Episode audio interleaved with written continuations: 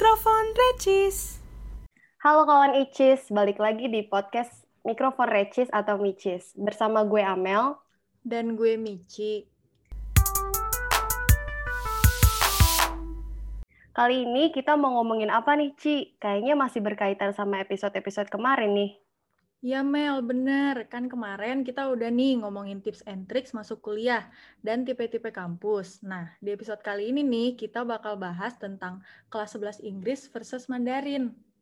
Oh, nah iya nih gue butuh banget pencerahan tentang itu. Soalnya masih bingung banget kelas 11 mau ambil Mandarin atau Inggris ya. Sama banget Mel, gue juga masih bingung nih mau ngambil yang mana. Pastilah, nih teman-teman yang kelas 10 juga mungkin masih pada bingung ya.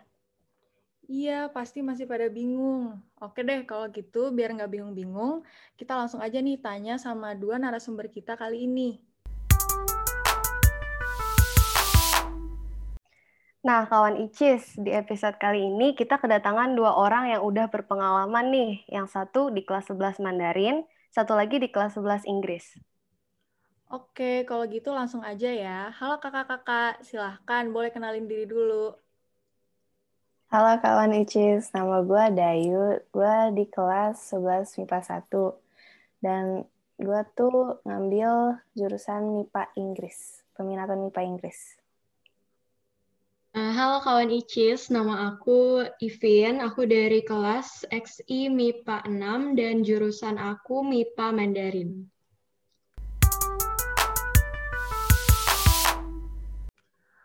Oke, kalau gitu sekarang uh, kita tanya-tanya ya. Uh, kakak-kakak, jadi peminatan Inggris sama Mandarin itu apa sih, Kak?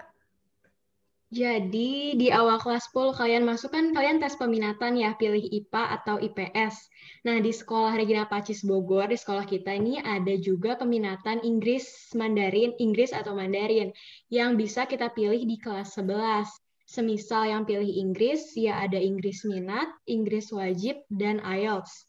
Kalau pilih Mandarin, ya ada Mandarin, Inggris wajib, dan IELTS. Jadi itu bisa kita pilih pas mau naik ke kelas 11. Nah, iya terus kan kalau misalnya pas kelas 10 udah dapet dua-duanya kan ya bahasa Inggris minat sama Mandarin. Kalau misalnya kelas 11 doang itu kamu Inggris ya kamu nggak dapat pelajaran Mandarin kok kamu Mandarin nggak dapat pelajaran Inggris gitu. Kalian kan masih kelas 10, mau naik kelas 11, sebentar lagi udah harus milih kan.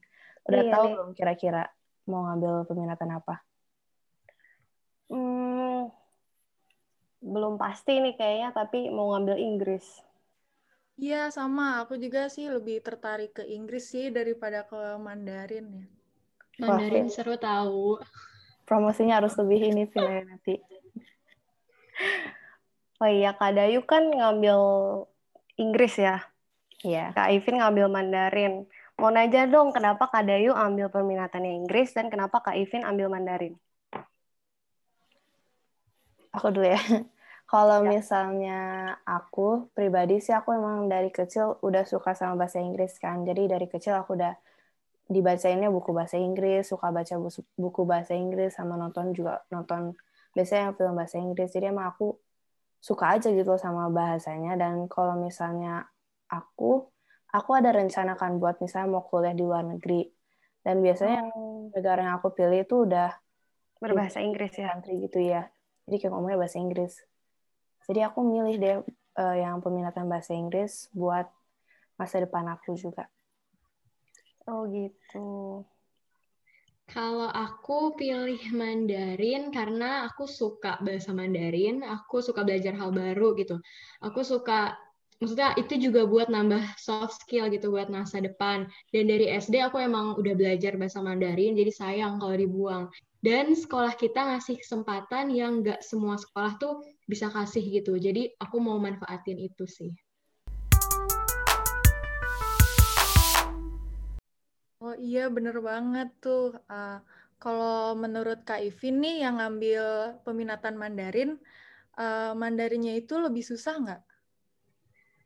Um, enggak sih kata aku soalnya di kelas 10 kalian juga dapat Mandarin kan dan dan aku lihat-lihat Mandarin di kelas 10 ini kayak ngulang lagi gitu dari awal. Jadi emang semisal kalian ngikutin nggak susah sih sebenarnya. Hmm, iya benar-benar. Kalau di Mandarin itu tuh uh, belajarnya tuh kayak gimana sih sama apa aja gitu? sebenarnya biasa aja sih kayak kalian belajar Inggris ya belajar new words-nya, belajar grammar-nya, belajar cara pakainya, belajar ini harus dipakainya kapan. Dan kalau di sekolah kita mungkin lebih ke belajar bahasa ya daripada belajar budaya kayak di kuliah gitu. Oh gitu, menarik sih. Uh, terus Kak, uh, kalau misalnya kita nggak bisa bahasa Mandarin nih dari SMP kan, belum pernah belajar bahasa Mandarin, tapi kita mau masuk peminatan di Mandarin. Uh, kita bisa nggak sih ambil kelas tambahan Mandarin gitu? Gimana gimana? Jadi uh, kita masih belum punya skill awal Mandarin nih di sebelum-sebelumnya, tapi kita mau ngambil peminatan di Mandarin, tertarik gitu. Jadi kita bisa nggak sih ambil kayak uh, uh, apa kelas tambahan Mandarin gitu? sebenarnya kan di kelas 10 kalian juga udah ada uh, kelas Mandarin kan ya. Menurut aku sih itu udah cukup banget, tapi semisal mau ambil kelas tambahan di RP harusnya ada ekskul Mandarin gak sih, Dai? Oh, itu belum ada sih, Vin, kayaknya kalau yang Mandarin. Iya. Ya, intinya kalau semisal itu yang kamu khawatirkan di kelas 10, pelajaran kelas 10 Mandarinnya udah cukup banget sih supaya bisa ngikutin. Emang harus rajin-rajin review aja ke kamunya sendiri gitu. Oh, gitu. Oh, terus kalau di kelas Inggris itu belajarnya gimana Kak Dewi? Banyak ngomongin Inggrisnya atau lebih susah dari Inggris wajib? Kalau di kelas bahasa Inggris tuh kayak yang pelajaran bahasa Inggris minat biasa. Biasanya kan di bahasa Inggris minat tuh udah emang udah dibiasain ya. Ngomong bahasa Inggris, dilatih speakingnya. Nah, itu itu sih kalau misalnya di kelas bahasa Inggris belajarnya kayak gitu.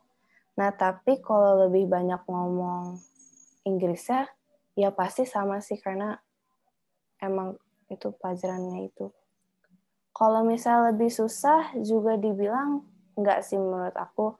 Menurut aku kalau bahasa Inggris minat ya, itu bukan lebih susah, tapi dia lebih dalam mempelajari bahasa Inggris atau juga kayak lebih luas.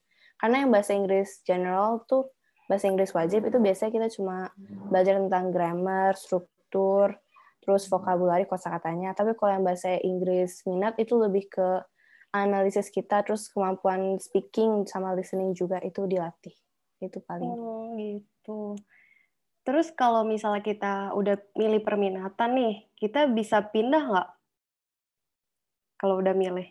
Misalnya kita milih Mandarin, tapi tiba-tiba mau pindah ke Inggris gitu, bisa nggak, Kak?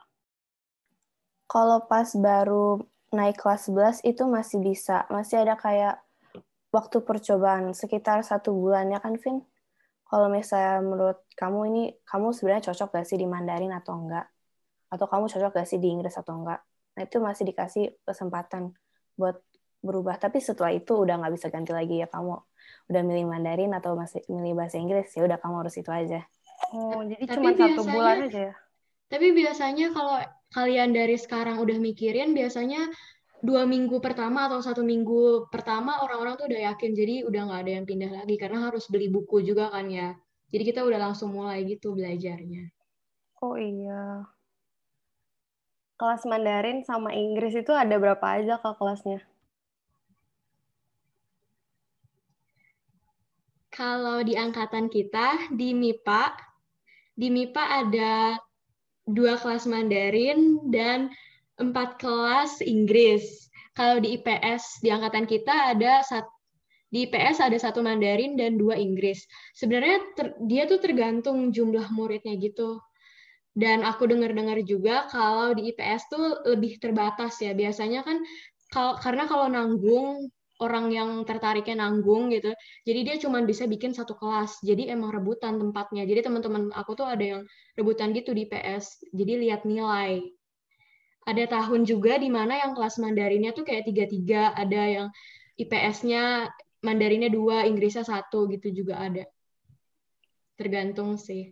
Jadi rasio itu masih tergantung sama peminatan siswa itu di angkatan kamu misalnya. Nanti kalau misalnya angkatan kamu banyak yang Mandarin ya bisa aja kelas Mandarinnya lebih banyak dibanding yang Inggris. Mana tahu kan ya? Oh iya, tergantung perminatan berarti ya. Mm -mm. Gak nutup kemungkinan kelas Mandarin itu lebih banyak daripada kelas Inggris berarti. Iya. Soalnya kan biasanya kelas Inggrisnya yang lebih banyak ya. Iya. Uh, Oke deh, kalau gitu uh, kakak-kakak boleh coba coba sebutin nggak kelebihan dan kekurangan dari kelas Mandarin dan kelas Inggris? Coba Vin Mandarin dulu deh, Vin. Gimana ya? Secara kasarnya, uh, di Mandarin tuh terkenal ambis anak-anaknya. Terkenal Iya, ambis tuh. anak-anaknya. Dan semisal kalian pilih Mandarin, nih biasanya juga banyak yang emang pilih Mandarin supaya ke bawah ambis gitu. Karena emang Mandarinnya juga nggak susah sih diikutin. Jadi sisanya pelajarannya emang sama sama yang ngambil Inggris. Jadi supaya ikut aja gitu ambisnya. Itu kelebihan, salah satu kelebihan dari Mandarin. Coba Dayu, silahkan promosikan Inggris dulu. Kalau menurut aku ya, kelebihan bahasa Inggris, di peminatan bahasa Inggris itu kamu bisa ngelatih skill Inggris kamu lebih. Karena kalau misalnya aku, itu kan Inggris minat, itu disebutnya uh, English literature kan ya. Jadi kita tuh lebih ngebahas tentang literatur, sisi literaturnya dari bahasa Inggris ini. Bisa baca-baca kayak novel klasik atau short stories sih ya, lebih ke ini. Itu short stories bahasa Inggris, terus nanti kita analisis karakternya apa dan ininya apa. Nah dari situ itu tuh lebih kalau aku menurut aku itu bakal lebih ngelatih critical thinkingnya juga. Dan ada banyak kosakata baru yang kamu bisa dapat dari literatur itu. Jadi kalau man, kalau Inggris itu lebih ngebuka tentang dunia literatur bahasa Inggrisnya sendiri. Oh ya kan rumornya itu kan di kelas Mandarin anaknya ambis semua. Terus katanya kalau di kelas Inggris tuh santai. Emang bener ya kak? Kelas Inggris tuh santai banget nggak sih? Ini ya, kalau pandangan aku sih kelas Inggris bisa dibilang santai, tapi nggak santai. Karena setiap kelas tuh menurut aku pasti ada yang santai, pasti ada juga yang ambis banget. Kayak di kelas aku, kelas aku tuh sebenarnya menurut aku sangat rata gitu loh. Ada yang beneran rajin, ada yang masih di bawah santai gitu. Tapi santai juga nggak santai banget gitu. Mereka masih tetap ngerjain tugas masih ini masih nanya-nanya juga itu banyak banget. Ini oh, gitu. Jadi rumornya iya nggak benar ya. Anak Inggris nggak santai banget ya. Tergantung kelasnya sih kata aku Maya. Uh, oke okay deh kalau gitu uh, sekarang nih coba uh, kakak-kakak sebutin kenapa harus milih lintas minat Inggris ataupun Mandarin biar yang denger tuh makin yakin gitu mau masuk. Sama ini. itu ada tips nggak kita nanti oh, iya. jadi waktu milih tuh kita nggak bingung. Ya, ada betul. tips nggak dari Kadayu sama Kaivin? Kayu silakan. Kalau kenapa harus milih lintas minat Inggris? Kalau emang kamu suka sama bahasa Inggris, suka sama bahasanya, dan kamu misal suka nonton film bahasa Inggris, suka baca novel-novel yang Inggris, dan kamu pengen aja buat mengembangkan skill itu lebih lanjut lagi, ya mending kamu milih ke yang bahasa Inggris. Dan di soalnya kan gara-gara di kelas Inggris kamu bisa mati semuanya dari speaking, reading, listening juga critical thinking tentang literaturnya dan bahasanya. Dan kalau misalnya kamu takut bahasa Inggris kamu kurang gitu atau kamu masih nggak belum cukup bisa atau masih nggak terlalu ngerti gitu itu nggak apa-apa banget karena emang kan tujuannya sekolah juga untuk belajar jadi dengan kamu di bahasa Inggris itu kamu bakal belajar lebih lanjut lagi dan memperbaiki kesalahan-kesalahan kamu dan mengembangkan diri kamu. Kenapa kamu harus milih Inggris? Kamu harus, kalau dari aku, kamu harus pilih Mandarin karena pertama, kita ada kesempatan buat belajar Mandarin. Gak semua orang bisa, dan kalau les itu mahal, mahal ya.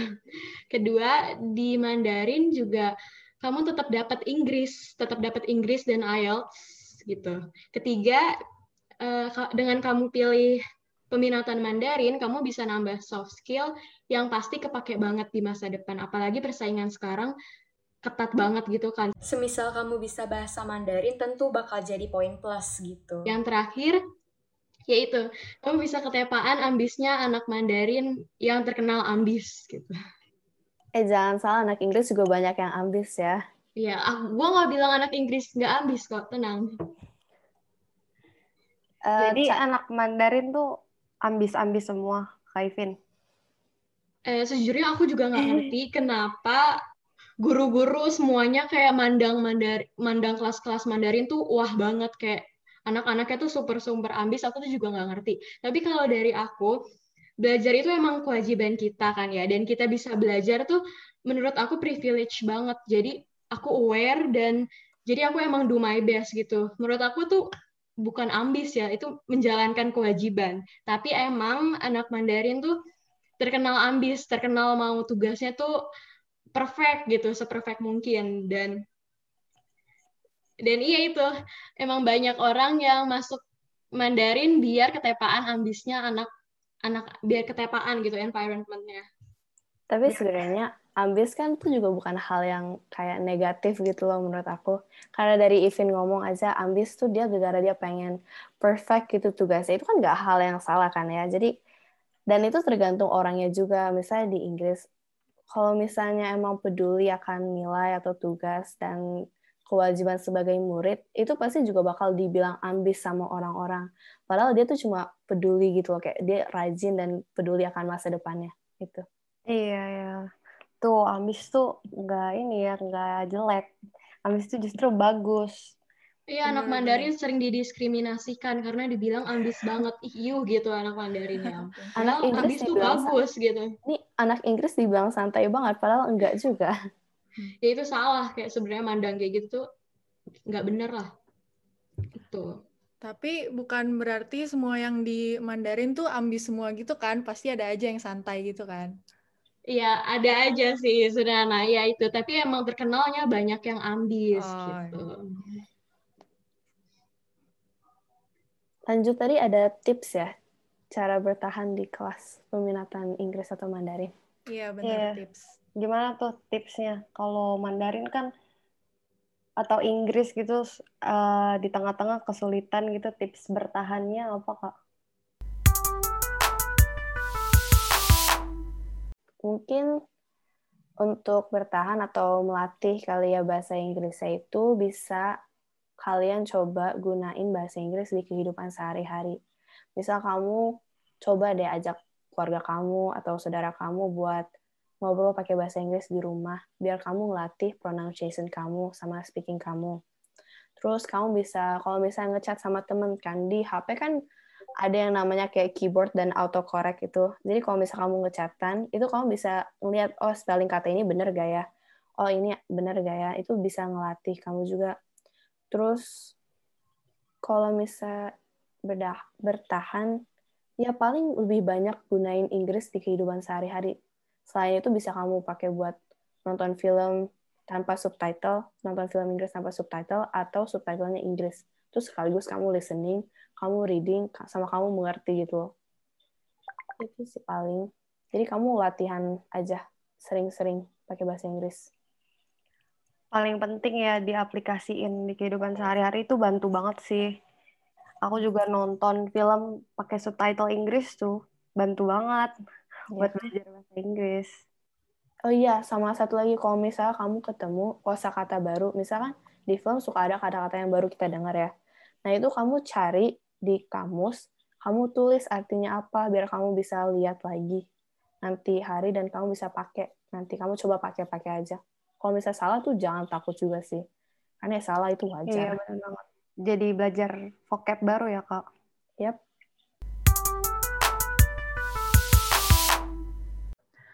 Nah, untuk di kelas Mandarin, ada nggak sih, Kak, tips untuk bertahannya? Menurut aku sih kalau tugas-tugas nggak jauh beda sih karena guru-gurunya juga rata-rata sama sama yang dari kelas Inggris. Semis, tapi semisal kalau di Inggris kan dapat tugas Inggris minat ya. Kalau di Mandarin dapat tugas Mandarin. Tapi kalau dari aku sendiri, Mandarin tuh tugasnya nggak berat dan kayak cenderung sekali sel- langsung selesai gitu. Paling tips supaya survive di kelas Mandarin di kelas 11 ya, menurut aku please aware aja kalau kita tuh dikasih kesempatan buat belajar, jadi tolong jangan disia-siain, tolong yang niat gitu, jangan tidur sambil Google Meet gitu. Dan untuk pelajaran Mandarinnya sendiri, banyak-banyakin aja review new words-nya, banyak-banyakin review grammar-nya. Semisal emang suka nonton, drama Cina-nya juga nggak jauh beda sih, nggak jauh nggak jauh gitu dari drakor seru-seru juga. Di, dari situ kalian bisa bantu ngelatih listeningnya juga bisa bantu ngelatih speakingnya juga dari nonton gitu. Iya bener banget. Jadi percuma juga kita belajar tapi nggak dilatih ya. Iya harus dilatih. Terus jadi sebenarnya perminatan Inggris sama Mandarin itu sama ya, nggak ada yang lebih, nggak ada yang kurang. Balik lagi ke kebutuhan kita masing-masing, kita minatnya ke mana ya kak? Bener banget. Mm -mm. Dan kalau misal kamu udah milih ya kamu harus tepatin tekatin gitu loh niatnya. Jangan tiba-tiba kamu setengah-tengah langsung menyerah aja. Jangan sampai nyesel aja kalau milih ya. Iya ya, harus dipikirin baik-baik sebelum memilih.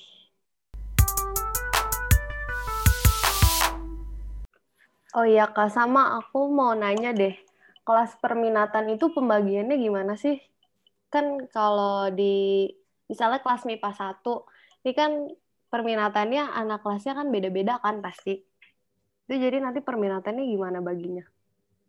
Nah kan kamu masih kelas 10 ya. Jadi nanti pas kamu kelas 11 itu bakal dibagi kelasnya sesuai dengan peminatannya. Misalnya aku peminatannya kan bahasa Inggris. Nah satu kelas aku itu semuanya bahasa Inggris. Kalau Ivin oh. Mandarin ya semuanya Mandarin. Jadi kita semuanya jadi pelajaran biasa aja jadi seragam satu kelas tuh. Oh, jadi sebelum naik ke kelas 11 itu kita harus milih dulu perminatannya. Jadi langsung dibagi ya. IPA, Mandarin, IPA, Inggris gitu. Iya. Gitu.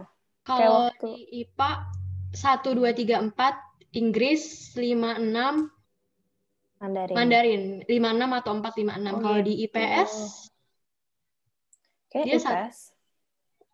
Jujur kurang tahu kalau misal online kayak gini. Ya kan, antara satu atau tiga dia. Iya, kita jadi agak bingung ya. Tapi kalau misal offline itu lebih kelihatan banget kok. Hmm. Oh gitu. Kak, kalau uh, peminatnya nih lebih banyakkan Mandarin daripada Inggris. Itu tuh yang uh, apa? Yang nggak masuk Mandarin dibuang ke Inggris apa nanti kelas Mandarinnya dibanyakin? Semisal emang gimana ya? Semisal emang nggak tanggung kelas Mandarinnya yang dibanyakin. Semisal tanggung gitu ya. Uh, kelas biasa diseleksi gitu pakai nilai semisal emang nilai kamu tinggi gitu Mandarinnya dimasukin ke Mandarin semisal emang kurang ya yang tanggungnya itu digusur ke Inggris. Iya. Tergantung banyak peminat. Jadi kalau misalnya satu kelas tuh biasanya kan 35 ya. Vin kelas tuh berapa? 32. Nah, kalau aku kan kelasnya tuh 36. Jadi sekitar 30-an itu kalau misalnya emang ada 90 anak yang emang mau Mandarin, ya berarti bisa bikin tiga kelas. Tapi kalau misalnya cuma misal angkanya cuma 80, ya berarti cuma bisa ada dua kelas itu. Nggak bisa dipaksa gitu. Oh itu. Terus kalau katanya nih di Mandarin itu disuruh bikin esai. Esai Mandarin gitu emang bener Kak? Ada bikin esai gitu? sejauh ini sih tugas aku jarang ya yang disuruh bikin cerita gitu. Mungkin emang ada uh, di beberapa saat gitu. Tapi kita lebih ke bikin kalimat, uh, lebih ke belajar grammarnya gitu di dalam bentuk kalimat. Ya udah sih gitu. Paling kerjain latihan soal di buku dan ada reading juga gitu. Kalau esai panjang gitu nggak ada berarti ya? Ada sih, aku pernah, tapi emang jarang gitu, emang tertentu doang. Mungkin terserah lausenya juga kali ya. Tergantung lausenya ya. Uh, sama kelas uh, guru bahasa Inggris buat IPA sama IPS itu berbeda. Jadi yang IPS tuh mem anak kalau kelas 11 ya. Kalau yang kelas 11 MIPA itu Mr. Barto. Itu beda jadinya. Yang IPS sama IPA kan berbeda tuh. Dari gurunya juga banyak yang beda. Dan IPA Mandarin Tugasnya juga beda berarti ya. Kenapa?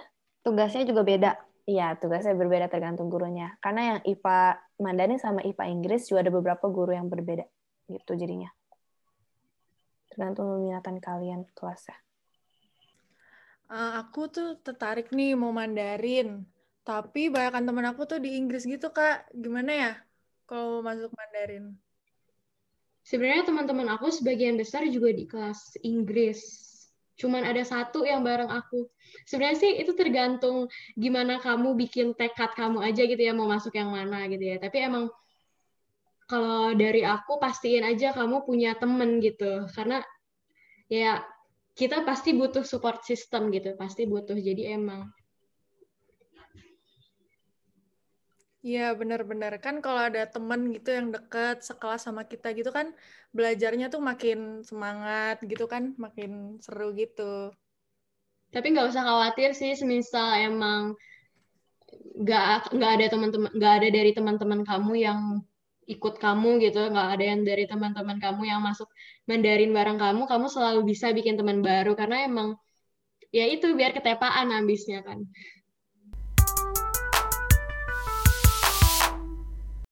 benar-benar gimana Mel? Uh, lu udah pasti belum nih mau yang mana? Gue sih jadi lumayan tertarik sih masuk ke peminatan Mandarin. Nggak tahu. Udah Inggris aja Mel.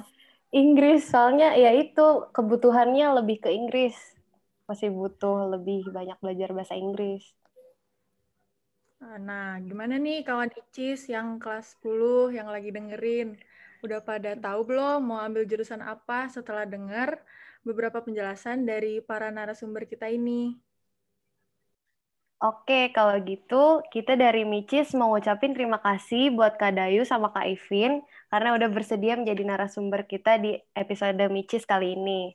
Semoga informasinya bisa bermanfaat bagi teman-teman kelas 10 semua ya. Nah, itu dia adalah podcast kita kali ini tentang jurusan-jurusan peminatan di kelas 11. Dan jangan lupa follow Spotify kita di Mikrofon Recis dan follow Instagram kita di Micis Podcast. Last but not least, jangan sampai kalian ketinggalan sama pembicaraan kita di Micis. Thank you udah dengerin. Sampai jumpa di episode selanjutnya. Bye. Micis, mikrofon Recis.